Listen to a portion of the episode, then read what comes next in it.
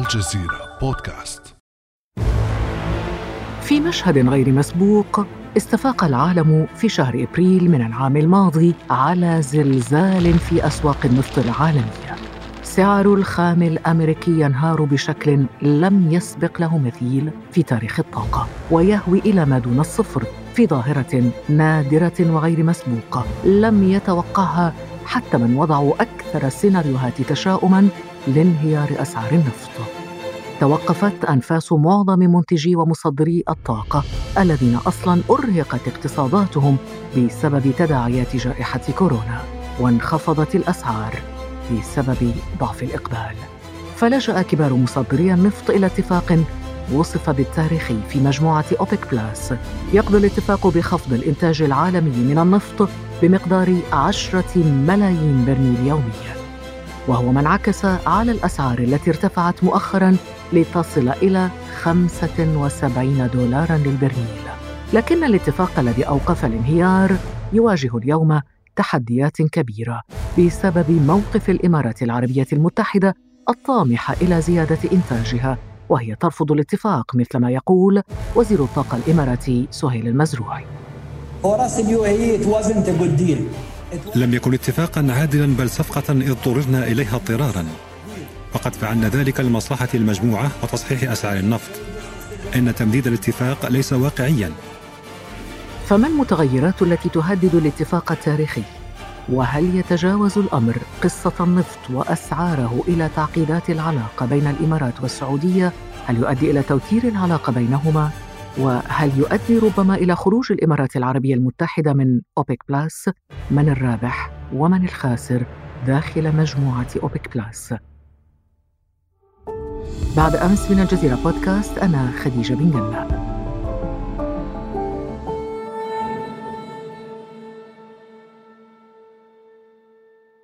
نستقبل ضيفتنا المتخصصة في القضايا الجيوسياسية وأمن الطاقة الدكتورة نسيمة أهاب العثامنة أستاذة الاقتصاد بجامعة باريس. نونتير أهلا وسهلا بك دكتورة. أهلا بك خديجة. يسعدنا أن تنضمي إلينا هذه المرة داخل الأستوديو هنا في كتارا وربما لأول مرة تكونين معنا في الأستوديو. نعم وأتشرف بذلك. شكرا لك نورتينا. ودكتورة نسيمة العثامنة دعينا نستمع أولا قبل أن نبدأ هذا النقاش إلى وزير الطاقة السعودي عبد العزيز بن سلمان وهو يدافع عن هذا الاتفاق اتفاق أوبك plus الذي ترفضه الإمارات كما سمعنا قبل قليل على لسان الوزير الإماراتي. أصبح مقترحا موافق عليه من الجميع فيما عدا دولة الإمارات العربية المتحدة اللي آه، عبرت عن رأيها وهو معروف للجميع. هذا إذا وزير الطاقة السعودي. بعد اتفاق أوبك plus العام الماضي دكتورة نسيمة الأسعار بدأت طبعا أسعار النفط انتعشت أو لنقل على الأقل أنها بدأت تستعيد عافيتها وصحتها. ما الذي أدى فجأة إلى الخلاف الذي نشهده الآن بين الإمارات والسعودية؟ اعتراض الإمارات على اتفاق تقدمت به السعودية وروسيا والذي وافقت عليه باقي الدول الأعضاء في أوبك بلوس والذي آه، ينص على زيادة إنتاج النفط آه، لدول الأعضاء بمقدار 400 ألف برميل يوميا ابتداء من شهر أغسطس المقبل. آه، ويمدد هذا الاتفاق إلى غاية شهر ديسمبر 2022 فالاختلاف الرئيسي جاء في هذه النقطتين بالضبط لأن روسيا والسعودية السعودية آه، اللتان اتفقتا في شهر أبريل الفارط بعد أن أحدثتا جدل كبير حول تخفيض نسبة الإنتاج داخل منظمة الأوبك بلوس اتفقتا على تخفيض الإنتاج من أجل آه، تحسين مستوى الأسعار على السوق العالمية والذي وافقت عليه كل الدول. لكن في هذه ولكن الإمارات وافقت مرغمة يبدو كما قال الوزير. استمعنا إلى الوزير نعم. الإماراتي يقول اضطررنا اضطرارا. الإمارات المتحدة وافقت على على مبدأ تخفيض الإنتاج داخل منظمة الأوباك لأن هناك هناك عناصر أخرى تدخلت في هذا الموضوع بما فيه الولايات المتحدة الأمريكية. دونالد ترامب لم يتوقف عن حث دول الأوباك إلى إيجاد حل سريع لأن الشركات الأمريكية تأثرت أكثر من غيرها في بسبب نزول الأسعار. إذا كان هناك ضغط أمريكي. هناك كان ضغط الأمريكي على مجموعة الأوبك بلس ومنها الإمارات المتحدة. لكن إذا رأي نظرنا من ناحية الإنتاج داخل منظمة الأوبك فوزن الولا... ال- الإمارات المتحدة لا يضاهي وزن روسيا أو السعودية وال... روسيا والسعودية كم نسبة الإنتاج عندهم؟ نسبة الإنتاج آه، تضاهي 11 مليون برميل يوميا. مقابل 3.17 مليون برميل للإمارات المتحدة اليوم فإذا الفرق رأينا كبير الفرق جداً. كبير جدا وإذا رأينا مثلا الحجم الإمارات بالمقارنة مع السعودية وروسيا فالإمارات هي منتج قليل جدا حتى إذا رأينا نسبة آه، ال- المواز... نسبة النفط في موازنة الإمارات هو تقريبا 30% آه، مقابل 65% بالنسبة للعربية السعودية فهناك وروسيا. فرق كبير وروسيا كذلك لكن روسيا عندها آه، صناعة آه، أسلحة متطورة جدا فل- فلهذا تغطي تقريبا توازن. توازن, بين الريع النفطي وبين الصناعة الإنتاجية نعم ولكن بهذا الاتفاق الإمارات أصبحت تنتج كم؟ 3.17 مليون برميل يوميا وإنتاجها الطبيعي؟ 3 فاصل تستطيع أن تنتج حسب آه، حسب تقرير وزير الطاقة الإماراتي تستطيع أن تنتج 3.80 مليون برميل يوميا يعني الفرق ليس يعني كبير يعني الفرق الف- هو تقريبا 70 ألف الفرق ليس كبير لكن برميل. إذا رأينا ال 400 ألف برميل يوميا الذي تحدثت عنه العربية السعودية والذي يوزع بالتساوي على باقي الأعضاء فالإمارات رأت نظرة غير عادلة لهذا لهذا التوزيع لأن كل دولة ستنتج بزيادة تقريبا 17 مليون برميل يوميا فهي أظن من ناحية الإنتاج الإجمالي ال- الهامشي لكل دولة تعتبر أنه ظالم لأن السعودية وروسيا تعتبران من أكبر منتجي النفط في المنطقة. ف17 ألف برميل يوميا إذا أنتجتهم السعودية أو روسيا فيزيدون من قيمة الإنتاج لدى هاتين الدولتين مقابل يعني ليست ال- الإمارات مقارنة بروسيا والسعودية. العملاقين الكبيرين في مجال إنتاج النفط وتصدير النفط. الإمارات ربما يعني ليست بذلك اللاعب الكبير. لا نهائيا في السوق النفطية لكن هناك عوامل أخرى تدخلت. هي عوامل سياسية وجيوستراتيجية أكثر مما هي آه، اتفاق بين منتجي النفط داخل منظمة الأوبك فنلاحظ ال- الاعتراض الأساسي جاء ضمن الاتفاق الذي تقدمت به روسيا والسعودية والذي يتضمن شقين. أولهما هو زيادة الإنتاج بمعدل 400 ألف آه، برميل يوميا ل- ابتداء من شهر أغسطس ال- ال- المقبل والتمديد الشق الثاني هو تمديد هذا الاتفاق إلى شهر ديسمبر 2222 وهذا ما رفضته ال- الإمارات لأن تعتبر هذه في أنه أن مدة طويلة جدا لغاية شهر ديسمبر ديسمبر 2022 يعني نعم. السنة القادمة نهاية أن- السنة القادمة نعم. طيب دكتورة هنا السؤال الرئيسي ما مصلحة الإمارات العربية المتحدة في زيادة الإنتاج إذا كان سيضعف الأسعار. مثل ما ذكرت سالفا الإمارات العربية المتحدة ليس لها هذا الوزن الكبير في السوق العالمية لأن نسبة النفط أصلا في اقتصادها ضئيل جدا يمثل تقريبا 30 إلى 35% آم، آم، مقابل 65% بالنسبة لروسيا أو للسعودية.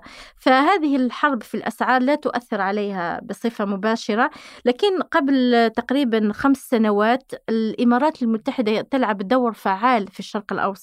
وكذلك تورطت مع السعودية في في مشاكل في ملفات كثيرة منها اليمن منها سوريا ومنها طبعا آه، واختلفت المواقف اختلفت. المواقع و- وربما ربما دكتورة هنا نعود إلى أنه الموضوع ربما قد لا يكون نفطي خلاف نفطي 100% قد يكون أيضا مؤسس سياسي على خلافات سياسية نعم. في ملفات أخرى مثل اليمن. نعم. آه، لاحظنا آه، تغير سياسة الإمارات المتحدة تجاه العربية السعودية منذ آه، عودة العلاقات بين قطر والسعودية التي كانت تنظر إليها الإمارات بنظرة غير مريحة. فمن هنا بدأ توتر العلاقات وبعدها تطبيع العلاقات بين الإمارات وإسرائيل وزيادة زيادة الاستثمارات الخارجية بالنسبة للإمارات كذلك منها مع الشركات الأجنبية النفطية مع شركات روسية مع شركات الصينية فاستثمرت الإمارات أموال هائلة في المجال النفطي لزيادة إنتاجها. فلما تقرر السعودية وروسيا آه، بمحض إرادتهما دون أخذ عين الاعتبار الاستثمارات التي قامت بها الإمارات. فهنا الإمارات أعتقد أنها لا تريد آه، أن تلتزم بهكذا اتفاق. قد كذلك يسبب لها خسائر كبيرة مع الشركات التي تعاقدت عليها في المجال النفطي. مما يؤدي أعتقد في الأيام المقبلة آه، إلى خروج الإمارات من منظمة يعني الأوبك تصبح أوبك minus بدل أوبك plus حتى تستعيد حريتها مثل ما حدث مع قطر التي انسحبت كذلك لنفس المشاكل تقريبا حول زيادة الإنتاج ودول أخرى يمكن يعني أن تسير الدخول والخروج عادي؟ اليوم منظمة الأوبك لم تصبح هذه المنظمة الكبيرة التي يمكن أن تتحكم في السوق العالمية لأن هناك منتجين صغار آه، كثر لا ينتمون لمنظمة الأوبك ومنتجين كبار كالنرويج والولايات المتحدة الأمريكية التي لديها حرية كبيرة في في إنتاج في زيادة وتخفيض إنتاجها النفطي. فالدول الأخرى تقول لماذا هناك دول لها الحرية في الإنتاج ونحن الذين ليس لدينا احتياط كبير؟ سنلتزم باتفاقات أوبك التي تمنعنا من نعم. استخدام لكن كأنك دكتورة نسيمة تقولين أنه داخل أوبك plus هناك الدول المنتجة للنفط داخل أوبك وتقودها السعودية وهناك الدول المنتجة للنفط خارج المنظمة وتقودها روسيا روسيا لا أعتقد أن لديها تأثير على الدول الأخرى المنتجة. هناك اتفاقات بين روسيا وباقي الدول. لأن إذا نظرنا بمنظور آه، سياسي بحت على ساحة السوق النفط العالمية إذا كل دولة تنتج بمحض إرادتها ما تشاء فستكون لخبطة كبيرة في السوق. يعني الأسعار سترتفع في الصباح وتنخفض في المساء. آه، يجب تقويم آه، لمدة معينة للأسواق في السوق العالمية. كي يجد في نفس الوقت وقت المنتجين والمستهلكين آه، كل واحد نسبته من السوق. فاليوم لكن هذا الانسجام موجود بين الدول الانسج... اللي داخل المنظمة واللي خارج المنظمة؟ لأن مرغما عنها الدول يجب أن تجد اتفاق آه، كامل من أجل أن تستفيد كل دولة. لأنه إذا كل واحدة عملت مثل ما تشاء فلن يكون هناك توازن نهائيا في الأسواق العالمية. فلاحظنا هذا الاختلاف داخل منظمة الأوباك الأخيرة بين السعودية والإمارات. أثار سرعان ما أثار غضب الهند التي تعتبر من أكبر المستهلكين للنفط فتدخلت لكي تقول أن هذا الأمر لا لا يرضيها لأنه تسبب في زيادة تقريبا 50% في أسعار النفط.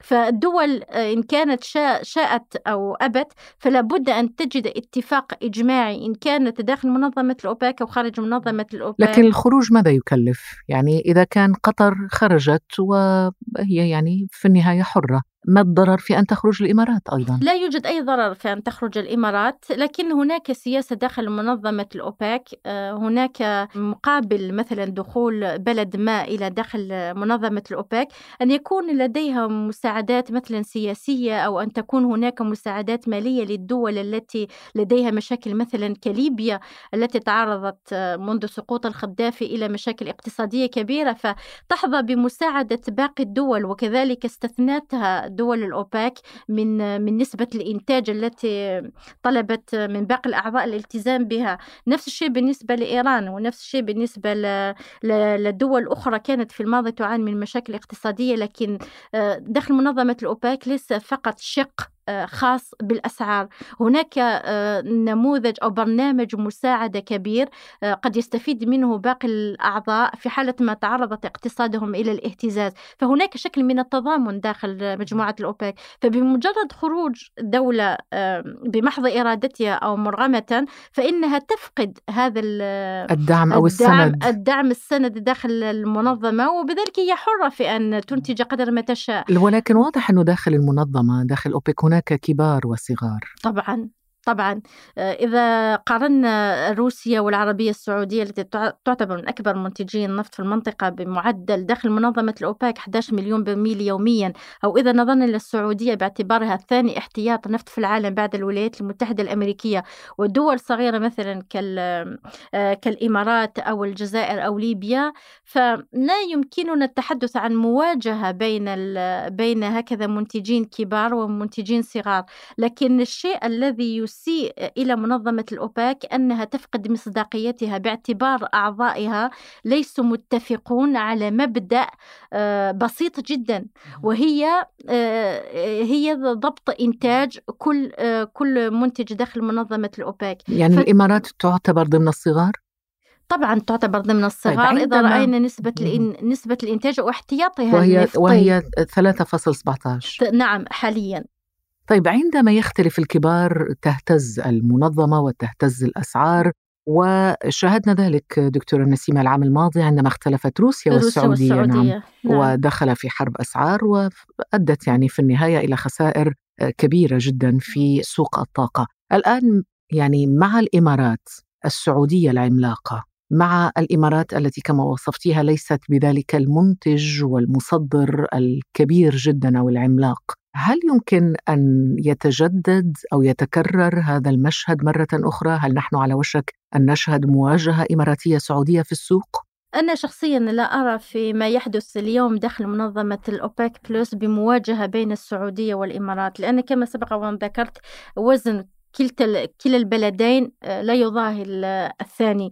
لكن المشكلة الرئيسية أن السوق تتأثر بأي افتراضات آه، في الواقع تتأثر بأي كلمة تصدر من مسؤول مثل ما حدث مع ترامب بمجرد أن ينشر تويت فالأسعار تعت... فهناك ارتفاع وانخفاض في الأسعار تتأثر بعوامل جيوسياسية سياسية اقتصادية إلى غير ذلك. ما حدث بين روسيا والسعودية آه، في أفريل الفارط كان لديه مجموعة من العوامل باعتبار آه، البلدين أكبر منتجي النفط تدخلت الولايات المتحدة الأمريكية التي أثرت كذلك في قرار الدولتين للزوم وجود اتفاق جامع آه، يؤدي إلى توازن الأسعار.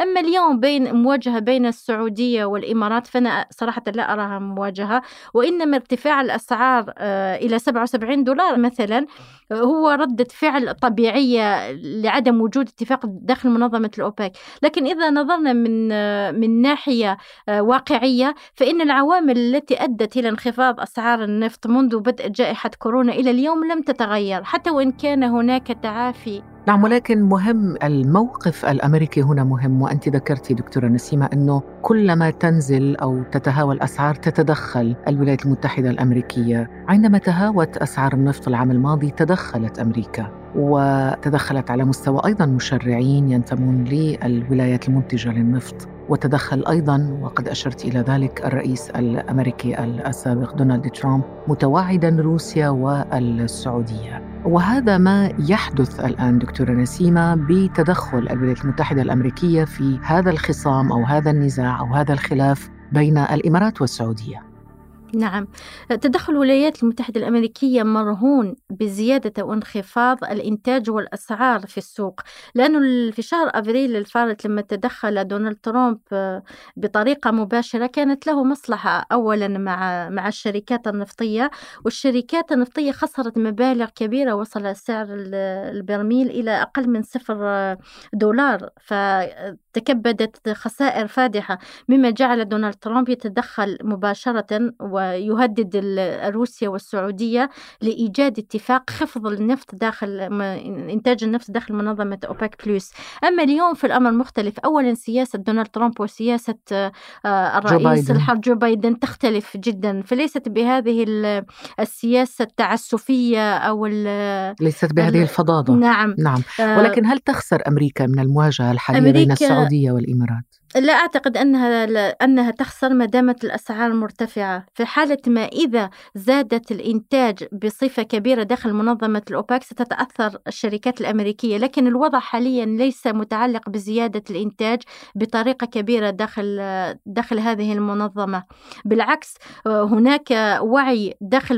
داخل منظمة الأوباك بلس بأن زي... أي زيادة كبيرة في الإنتاج قد تؤدي إلى تدهور الأسعار من جديد لأنهم شاهدوا هذا من قبل.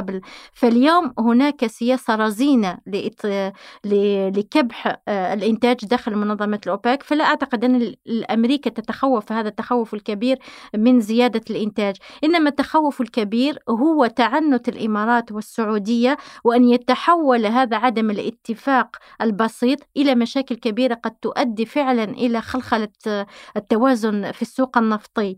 ليس لأن هناك مواجهة مباشرة بأي شكل. بين بأي شكل هو أن ترتفع الأسعار أو أن دول أخرى قد تدخل في نفس الخط مع الإمارات وأن تطالب هي كذلك بزيادة الإنتاج فتصير هناك فوضى داخل منظمة الأوبك هناك هناك هذا النزوح نحو داخل الأوبك داخل الأوبك لا لغاية الساعة لا لكن إذا في حالة ما إذا قبلت السعودية آه، بموقف الإمارات آه، بأن تزيد إنتاجها فلا يستبعد أن تطالب دول أخرى بزيادة الإنتاج. وفي هذه الحالة طبعا راح يكون هناك فوضى راح تتسبب في فوضى داخل داخل المنظمة. نعم ولكن دكتورة نسيمة ربما بشكل ساذج إن صح التعبير قد أقول أنه سبعين ألف لا كما يقول المصريون لا تودي ولا تجيب. يعني أنه مستوى الإنتاج الإمارات العربية المتحدة الآن هو طبعا بناء على الاتفاق المتوصل إليه داخل أوبك بلس هو 3.17 وهي تريد أن ترفعه إلى 3.80 والفارق كما ذكرنا هو 70 ألف. بالمفهوم الاقتصادي 70 ألف تؤثر؟ تؤثر لأنه إذا كان سعر البرميل 70 أو 75 دولار فطبعا آه، دخل لا بأس به. وأشرت في بداية اللقاء إلى أنه الإمارات عقدت اتفاقات مع الشركات البترولية لزيادة الإنتاج مع الشركات الصينية وشركة توتال مثلا الفرنسية. ففي حالة ما إذا صرفت أموال طائلة من أجل منشآت وكذلك عقود لزيادة الإنتاج بالمقابل آه، اضطرت إلى خفض إنتاجها داخل المنظمة. فطبعا هذا سيكلفها خسائر كبيرة لأن لا لا يوجد هناك عودة على على الاستثمار. فكلفها الاستثمار مصاريف مكلفة. في مشاريع استثمارية. نعم. وهي مسنودة بتوتال الفرنسية. نعم لديها عقود مع شركات مثلا بي بي البريطانية شركات نعم م- مع شركة توتال مع الشركات الصينية فنوعت استثماراتها في المجال النفطي. في النهاية دكتورة نسيمة ونختم بهذا السؤال كيف يؤثر كل هذا على الدول المستهلكة والمصدرة طبعا المستوردة والمصدرة على حد سواء؟ نبدأ بالدول المستهلكة. آه، الهند آه، تحدثت بصفة مباشرة عن عدم رضاها على عدم الاتفاق داخل منظمة الأوبك بلوس لأنه أدى إلى زيادة آه، تقريبا نصف أسعار النفط ارتفع إلى 77 دولار خلال يومين وهي من أكبر المستهلكين للنفط. فهذا يؤثر عليها بطريقة مباشرة أنه سيزيد في ميزانيتها لشراء المواد النفطية. هناك دول كثيرة كذلك تتأثر بهذه الأسعار إذا لم يكن لديها طبعا المدخول الكافي لشراء النفط. وهذا قد يؤثر على على على الطلب لأن الدول إذا كان السعر مرتفع فقد تتراجع عن الطلب. فإذا ارتفع العرض فهناك اختلال في التوازن. يكون العرض كبير والطلب قليل فالأسعار ستنهار لا محالة. أما بالنسبة للدول المنتجة فأغلبها للأسف ما عدا الإمارات العربية المتحدة لا تعتمد تقريبا بصفة كبيرة على أسعار النفط اقتصادها ليس ريعي وإنما متنوع. إنما دول أخرى مثلا كالجزائر كليبيا كمصر فهذه والسعودية كذلك والكويت وعمان فكلها دول ريعية. في حالة ما إذا انخفضت الأسعار فطبعا اقتصادها سيتأثر مصر أيضا؟ مصر أيضا لأنه بدرجة أقل, بدرجة أقل أنا ليست من كبار المصدرين للبترول لكنها تعتمد على نسبة معينة من الريع النفطي فهذه الدول ستتأثر لأن جائحة كورونا أصلا قد قد أفسدت مشاريع صحيح. كثيرة وهي تعتمد بالأساس على عائدات النفط وربما هذا هذا يسيل اللعاب للبحث في حلقة قادمة إن شاء الله طالما أنك موجودة بالدوحة لمناقشة موضوع له علاقة بمستقبل النفط. وهل يمكن أن نصل إلى عصر اللا نفط؟ قبل 30 40 سنة لا أتوقع لأن الاقتصاد العالمي اليوم يرتكز بالدرجة الأولى على النفط رغم أن هناك طاقات متجددة لكن ليست متطورة بالشكل الذي يجعلها تنافس بطريقة مباشرة النفط فالنفط له مستقبل كبير جدا إن كان في الوطن العربي أو في العالم كأجمع. نعم ولنا موعد إن شاء الله لمناقشة هذا الموضوع في حلقة مقبلة بإذن الله. شكرا جزيلا لك الدكتورة نسيمة أوهاب العثامنة أستاذة الاقتصاد بجامعة باري نانتير شكرا لك خديجة. كان هذا بعد أمس.